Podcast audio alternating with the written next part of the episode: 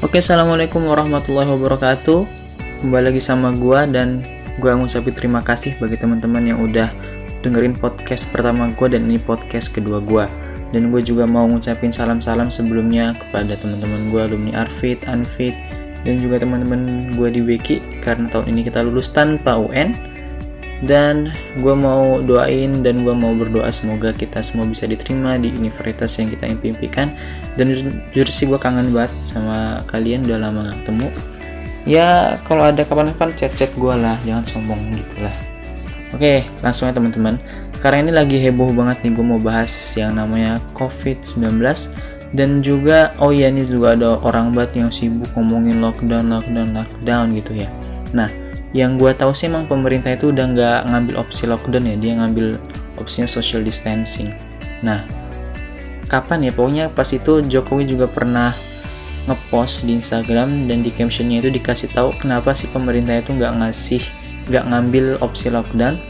Dan di situ juga udah dikasih tahu tentang intinya itu pemerintah itu dia udah rapat gitu ya. Dia itu sudah menentukan kebijakan dia itu sudah tahu kebijakan setiap negara dan setiap negara itu punya kondisi sosial, ekonomi, budaya, dan kedisiplinan masyarakat yang berbeda-beda.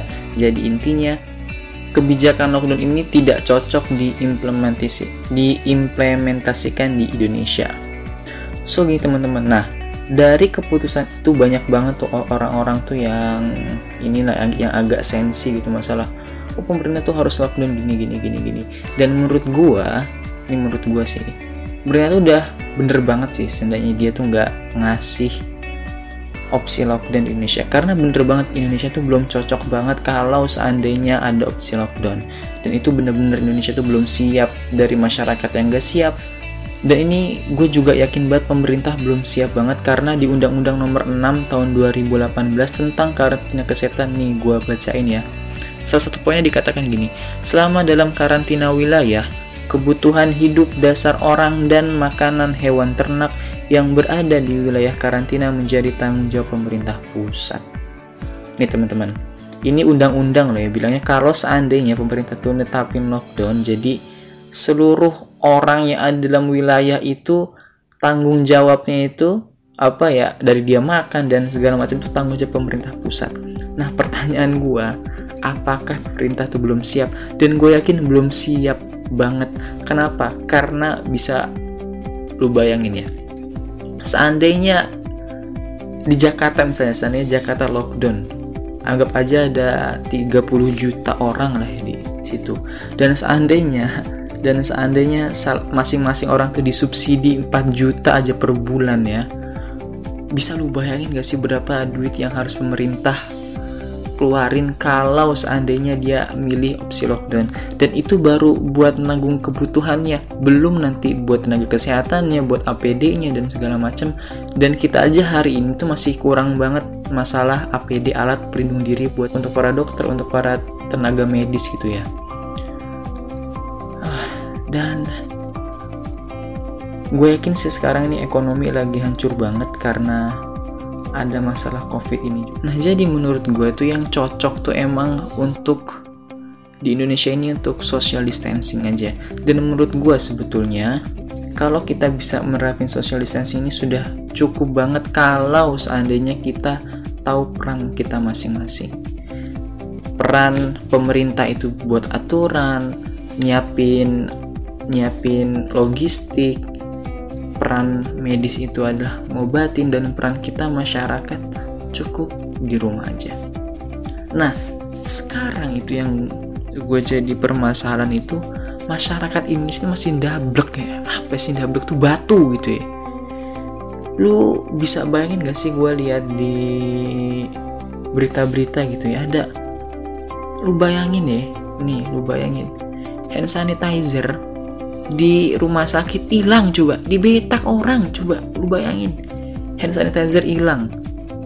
Masker masker gue lihat di mana gitu ya di rumah sakit mana dicolong coba. Heran gue gue juga lihat ada orang tuh hand sanitizer hand sanitizer kan umum yang ada di rumah sakit. Diambil dia pakai plastik ditimbun gitu. Dia bawa balik hand sanitizernya. Nah ini teman-teman yang gue masih bingung tuh banyak banget orang itu yang egois. Padahal di masa-masa ini tuh masa-masa kita tuh harus solidaritas gitu teman-teman ya. Banyak banget sih yang masih egois. Banyak banget yang nimbun. Dan gue juga nggak bisa pikir sama orang-orang yang nimbun barang ya. Lu masih zaman zaman gini gitu putus solidaritas eh lu malah nimbun gitu. Kadang gue heran juga lu lagi masa-masa gini lu jangan ngambil keuntungan bro. Yang ada tuh lu tuh harusnya bantu teman-teman lu. Ini lu beli banyak lu nimbun ntar lu jual lagi dengan harga yang tinggi. Buset dah. Jangan gitulah dan sama nih sama orang-orang yang tuh yang memborong-borong hand sanitizer yang borong-borong masker. Dan gue tuh juga udah banyak baca artikel kok intinya kalau buat di rumah tuh. Buat lo tuh cukup aja lo cuci tangan pakai air sama pakai sabun gue bilang. Gue juga dapat berita tuh di mana sih ada suatu pasar kimia gitu toko kimia di Jakarta. Alkoholnya habis coba. Buat apa lu beli alkohol? Gue tanya. Yang butuh alkohol tuh bukan lu. Tenaga medis. Dan lu nyuci bisa pakai sunlight lu bisa lu beli Lifebuoy 3000 no. Batang-batangan lu cuci tangan lu lu nggak perlu pakai hand sanitizer. Itu butuh but yang butuh alkohol hand sanitizer itu siapa? Tenaga kesehatan dokter. Buat cuci alat-alat medisnya. Buat tanya alat medis itu cuma bisa dicuci pakai alkohol biar bersih. Mana bisa alat medis dicuci pakai air comberan? Nggak bisa. Nggak usah sibuk beli masker masker yang aneh-aneh dah. Kalau di rumah lu bisa pakai masker kain lah pakai apa? Masker untuk masker masker bedah masker masker N95 itu emang khusus buat tenaga medis teman-teman. Karena mereka itu yang butuh banget. Dan sekarang tuh kita lihat ya tenaga medis tuh udah bener-bener banyak yang meninggal. Setahu gue sih udah ada 7 atau 8 orang gitu ya.